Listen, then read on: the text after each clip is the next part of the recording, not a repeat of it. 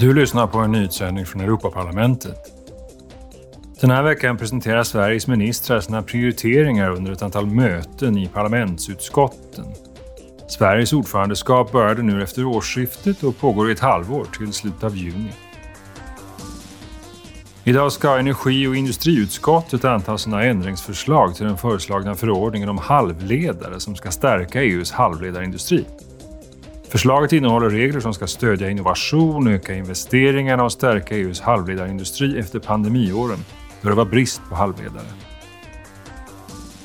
Känner du till det europeiska medborgarinitiativet Rädda bin och bönder? Det har varit framgångsrikt och med anledning av det håller miljö och jordbruksutskotten offentliga utfrågningar med initiativtagarna. Förslagen som initiativet jobbar för handlar om att fasa ut syntetiska bekämpningsmedel senast 2035 återställa den biologiska mångfalden och stödja jordbrukarna under den här omställningen. Du har lyssnat på en nyhetssändning från Europaparlamentet.